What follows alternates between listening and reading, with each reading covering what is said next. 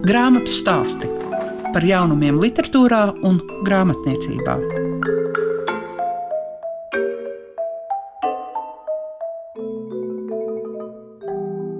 Šobrīd esat grāmatu stāstu klausītāji. Kopā ar jums ir Liega Piešiņa, un šodien mēs iepazīsim divas grāmatas. Viena ir Māra Bērziņa nākotnes kalējs, kas vēstīja par Vilu Lāci un ir iznākusi sērijā Es esmu dienas grāmatā. Savukārt otra, it kā jaunākai paudzei domātā Signas Viškas grāmata Kate, kas gribēja kļūt par vectēvu. Grāmatu stāsti programmā Klasika. Grāmatā stāstos jūs varēsiet tūlīt dzirdēt Māra Bērziņu, jo viņa nākotnes kalējas romāns par Vilu Lāci, kas ir iznācis dienas grāmatas sērijā, es esmu. Es domāju, ka ļoti daudziem cilvēkiem ir uzjundījis dažādas emocijas. Arī tādas, ka jāņem un jāpārlasa, ko tad tas Vils Lācis īsti rakstījis diezgan tēlaini ir arī par to, ka cilvēki izlasot, un arī man izlasot šo grāmatu, ir tāda, ka tev tomēr gribas ik pa brīdim attīrīties.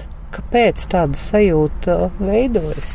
Un Mārka, kā bija tev? Tā jau ir gandrīz visas grāmatas rakstot, ka gribas iziet no tām lomām, kurās iejūties rakstot. Bet Lāča gadījumā īpaši, jo tomēr iejūtoties viņā, šajā ziņā rakstnieku un aktieru darbs kaut kāda līdzība ir tajā, ka jāiejūtas lomā, ja tikai nu, rakstnieki nekāpj uz skatuves. Un, lai tiktu no tā tālu vaļā, nu, tad ir kaut kā jāatbrīvojas. Es to kaut kā intuitīvi atradu, paņēmienu ar ūdens palīdzību vienkārši tur noskalot, izēju no tās. Bet tas neatiec tikai uz lāci, tas attiec praktiski arī uz citiem darbiem. Ar lāci drusku vairāk, jā, jo tā iejušanās it kā likās ir dziļāka, un arī viņa dzīvē ir daudz nepatīkamu gadījumu, un viņi ir reāli. Un varbūt, ja teiksim, svinu garšas varoņos es iejutos, tad es tomēr apzinos, ka tie ir izdomāti un ir kaut kā vieglāk, bet šeit zinot, ka tā arī reāli ir noticis, atkal tik no tā vaļā, lai vismaz vakaru var atkal pavadīt nu, daudz maz savā ādā, bija ūdens procedūras jālieto diezgan bieži. Ir jau tā, ka mēs ik pa brīžam sakam par mirušiem vai nu labu, vai neko. Kā tev bija arī sevī sakārtot to, ka ir jārunā par nežēlīgām, neģēlīgām, nodevīgām lietām? Pašā sākumā man vispār uznāca tāda panikas lēkme, tāda doma, ar kādām tiesībām es vispār par kādu cilvēku, vienalga lācis, nelācis, bet rakstu vispār kaut ko izdomāju, iztēlojos, jo ne jau es viņa domas patiesā zināju, ne arī dialogi ierakstīti kaut kur bija, ko varētu vienkārši pārlikt. Nepārliecinoša un, un darba neveicinoša sajūta bija.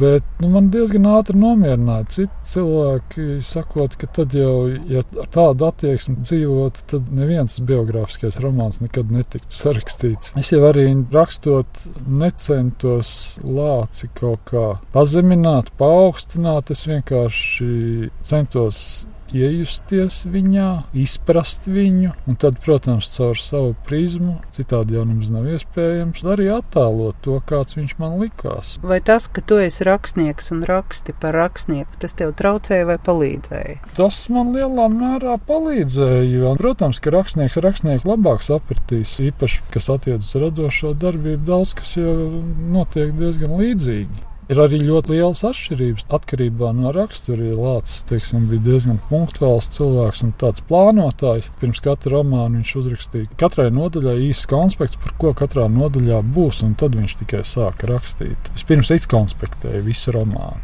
Un tad jau paplašināja, attīstīja tos īsos konspektus. Tad es rakstu no viena vārda, var teikt ar vienu vārdu sāku un pats nezinu, kur es aiziešu. Protams, es pēc tam kaut ko domāju un komponēju un tā, bet nu, tas notiek pilnīgi citādi. Brīvāk man tā pieeja ir lasīju rakstu, kurā Lācis raksta par to, kā viņš veido savus literāros darbus. Un tur jā, ļoti daudz, kam es varēju tā māte galvu, jā, jā, tieši tā. Kā tur izmanto prototipus, gadījumus, kā to visu kombinē. Nu, visādas tādas rakstniecības virtuves nianses. Tāpēc arī kaut kādā ziņā vieglāk. Vai nav tā, ka šis romāns varētu būt vai nu daudz biezāks, vai arī varētu būt vēl kāds pārītis par Vilnu Lāci? Jo te jau nav par visu viņa dzīvi. Nu jā, jā, vienmēr gribas par visu. bet tu saproti, ka tā visa ir tik daudz ka tu nevari pa visu. Tu vienkārši fiziski to nevari. It kā var par visu, bet tad tu ātri pārskries pāri un nebūs nekādas lielas jēgas, nebūs nekāda iedziļināšanās. Tāds pārstāsts tas būs tikai dzīves. Tur ļoti daudz ko varēja. Piemēram, 30 gadiem es vispār nepieskāros. Nu, daudz kam es nepieskāros pirmajai laulībai. Man pat bija iecerēts rakstīt par viņu pēcnāves dzīvi, viņa pasaulē. Kaut vai ņemot tos viņas kopos dienas grāmatas ierakstus, katru ierakstu varēja attīstīt uz vairākām lapām. Nu, tā noteikti varētu izvērsties vēl divās, trijās, es pat nezinu, cik grāmatās, bet beidzot šo grāmatu pēdējā pilīte bija izspiesta. Es arī netiku līdz tai pēcnāves dzīvei, ko es sākotnēji biju iecerējis. Nu, jā. Grāmatas nosaukums ir nākotnes kalējs, un tad lasot šos 50, 60 gadu iekšējo pasauli, kur it kā vēlas no vienas puses pretoties tam savam smalkajam, augstajam darbam, vai tev liekas, ka Vilnis Lācis ar tā laika uzskatiem ietekmē mūs šodien? Nu, Vils Lācis, es domāju, ka neietekmē mūs. Nu, padomu iekārt. Nu, padomu iekārt, protams, ka ietekmē. Padomu cilvēks jau mūsos vēl dzīvo. Nav šaubu, bet pats Lācis jau diez vai. Viņš jau ir tāds kā daudzi no tiem, kas dzīvoja padomu laikos. Tikai nu, viņš bija pašā augšā, tomēr ministrs padomus priekšsādātājs pats populārākais rakstnieks. Viņš bija visredzamākā figūra, un tāpēc caur viņa prizmu mēs skatāmies uz tiem laikiem, bet tādi jau bija tūkstoši. Parunāsim par kolaboracionismu. Nu, kolaboracionisti bija daudz, tūkstošiem. Un konformisms nav miris nekad, un nemirs arī no nu šajos laikos. Bet par to tev nācās daudz domāt saistībā arī ar Vilnu Lāci. Tā bija man varbūt pat tā grūtākā lieta, jo es jau negribu izrādīties kaut kāds labāks par viņu, bet es esmu citādāks tomēr. Un es nezinu, kā latviešu lietot vārdu pofigisms. Lācis bija nopietns. Nu, es neesmu nopietns attieksmē pret dzīvi. Es neteikšu, ka es ļoti nenopietni izturētos pret dzīvi, bet nu, man liekas, ka es ātrāk par lāci varētu saredzēt lietas, kuras draud ar kaut ko no tām izvairīties, vai vienkārši pasūtīt tālāk vienu māju, kaut kur pamukt nost. Nu, man liekas, viņš kaut kā pārāk Tas nav tik viennozīmīgi. Tas arī vienkāršot. Es visu laiku mokos ar to, ka es vēl joprojām cenšos noformulēt dažos vārdos, kāds tad lācis bija, bet man tas nesanāk. Un katru reizi, kad es kaut kur pasaku, tad labi, nu, kaut kāda taisnība ir, bet tas ir kaut kā atkal vienpusēji un jāliek atkal kaut kas pretī. Vai viņš bija grūtu raksturu, smagu raksturu. Nu, viņš bija tāds nopietns, skumīgs. Es neesmu tik mērķtiecīgs, man nav tik stipra griba kā lācim, un līdz ar to es vienkārši atmetu ar roku daudz kam. Un bieži vien tas ir labi, ka es atmetu ar roku, kur es atrodu kaut kādu līdzību ar lāci sevi. Mums, kā rakstniekiem, abiem gribējās, lai mūsu darbus atzītu sabiedrību. Pēc lasītāja atzinības ilgojamies. Visi, visi mākslinieki ilgojas pēc sabiedrības atzinības, bet tajā pašā laikā nu, viņš negribēja starmešu gaismā visu laiku atrasties. Es arī to nevēlos, jo tas ir gan nogurdinoši, pat tādā nelielā mērogā, kāds pie mums ir. Un tur tāda pretruna. Tu gribi panākumus, bet tajā pašā laikā tu gribi palikt ēnā. Vienkārši pateikt, ka lācis ir pretrunīga persona, nu, tas ir nepateikt neko, jo mēs visi esam pretrunīgas personas. Mēs visi kaut kādām pretrunām. Ka viņš bija daudz šķautņains. Arī tāpat kā neko nepateikt, jo mēs visi esam daudz šķautņaini. Peldēju ar savu ēru laiviņu, kur labāk piestāt, tur piestāja, kur izdevīgāk. Pati dzīve jau noteica daudz ko, pieņemsim, aiz pārliecības. Viņš propagandēja sociālismu jau savos pirmajos darbos, Putnos bez spārniem, pietstāv pilsētu. Pēc tam Ulmaņa režīms to visu izrediģēja. Viņš raksta zīti ar dzimtu, tajā viņš atkal parāda čekistu zvērības. Un viņš nav samelojis, jo tādas bija. Liekas, ka tad redz, kā viņš pārmet ulmeņa laikā ādu, un viņš vienkārši par to vairs nerakstīja. Nu, kaut kādā ziņā viņš bija pagrīdē ar savām sociālistiskajām idejām. Un uh, rakstot tālo ceļu, kas bija lūga pēc aizsargu organizācijas pasūtījuma, kur čekijas zvērības vēl trakāk aprakstītas, viņš tur arī neko nemeloja. Viņš vienkārši nerakstīja par kolčaku zvērībām, kuras arī bija turpatās. Nu, viņš vienkārši pasniedz to, kas bija tikai nu, tajā kontekstā, kādā bija izdevīgi tajā brīdī. Un atkal padomu laikā nu, viņš vairāk uzsvēra kolčeku zvērības un atkal noklusēja tās čekistu zvērības. Nevienā brīdī viņš tur īpaši daudz nemeloja. Bet vai ir tā, ka Vilis Lācis piekrita būt politikā un arī tik augstā amatā tikai tāpēc, lai varētu rakstīt un lai varētu saņemt šo atziņu par to, ka viņš ir pats populārākais rakstnieks. Nu, viņš jau bija vienkārši sasējies. Viņš bija sasējies ar, sākot ar savu brālēnu Pēteru Briedi, kas bija jau no Krievijas atbraucis un, un, un pagrīdnieks īsts un komunists un čekists un kas tik vēl ne. Un Lācis dzīvoja tādu, nu, drusku dubultu dzīvi arī visu brīvvalsts laiku, jo viņš regulāri ziedoja politieslodzītajiem, atbalstīja tos finansiāli, jo viņš jau pēc zvejnieku dēla panākumiem ļoti labi finansiāli bija atalgots. Un tā pašā laikā viņš arī nerunāja pretī Ulmaņa režīmam un viņš uzvedās kā īsts spiegs. Un, ja viņš būtu teiksim, labais spēks, tad viss teikt, cik labi viņš izlikās. Redz, kā viņš visus apmānīja. Un, viņš ir sliktais spēks, tad mēs sakām, ka viņš ir morāli degradējies. Tā vienkārši tas bija. Es pat nedomāju, es esmu pārliecināts, viņš varbūt negribēja nemaz tik lielu to amatu, jo viņš pirms tam bija domājis, ka viņš varētu būt, piemēram, teātris direktors, nu, kā Jānis Akurāters arī bija rakstnieks un teātris direktors, vai arī strādāt kādā izdevniecībā, jo viņš jau par to, ka būs varas maiņa, zināja vismaz jau 38. gadā vai 39. bija tam gatavs, bet ka viņu iecels tik augstā postenī, viņš mulsa, bet pieņēma to, jo tomēr, nu, tā godkāra arī nospēlēja savu lomu, un, un tā godkāra neļāva viņam kārtīgi apdomāties. Un tur jau sākās tas viņa iekšējais konflikts, jo viņš jau tomēr bija panāvis. Rūkuma, vilšanās, nu, visu citu negatīvo emociju turēšanu iekšā, nu, viņas jau somatizējas. To jau mūsdienu medicīna arī atzīst, ka šīs negatīvās emocijas somatizējas un pārvēršas slimībās. Un, Un, ja tā pavisam ezotēriski skatās to, tad uh, diabetes, nu, kā viņš visvairāk cieta, tad tā ir tāda kā vilšanās dzīvē, nu, dzīve bez dzīves prieka. Un par tiem viņš arī rakstīja. Un tā tomēr ir sabiedrības lielākā daļa. Un, ja toreiz arī šī sabiedrības daļa lasīja grāmatas, jo viņiem nebija televizora, nebija telefona un interneta, tad viņi lasīja grāmatas, un viņi varēja beidzot izlasīt par sevi un saistoši izlasīt, interesanti. Tur bija melodrāma iekšā, tur bija dramaturgija, vienkāršā valodā, viegli uztverami.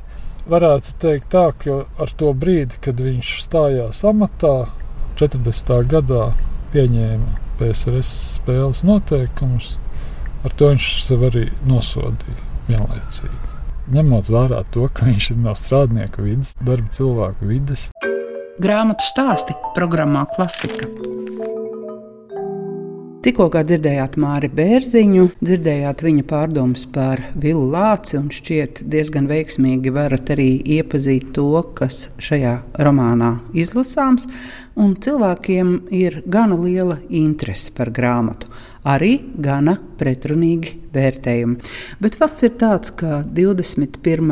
augustā Tallinas kvartālā būs citādie grāmatu svētki, un tur būs iespēja tikties arī ar Māri Bērziņu un iegūt autogrāfus. Un visticamāk, tur būs arī Signe Viška, kas zina pastāstīt par kati, kas gribēja kļūt par vectēvu. Grāmatu, kas iznākusi apgādā liels un mazs. Grāmatu stāsti programmā Klasika. Signa Viška jau akurāt divas dienas ir turējusi rokā savu jaunāko un pirmo grāmatu, Kate, kas gribēja kļūt par vectēvu.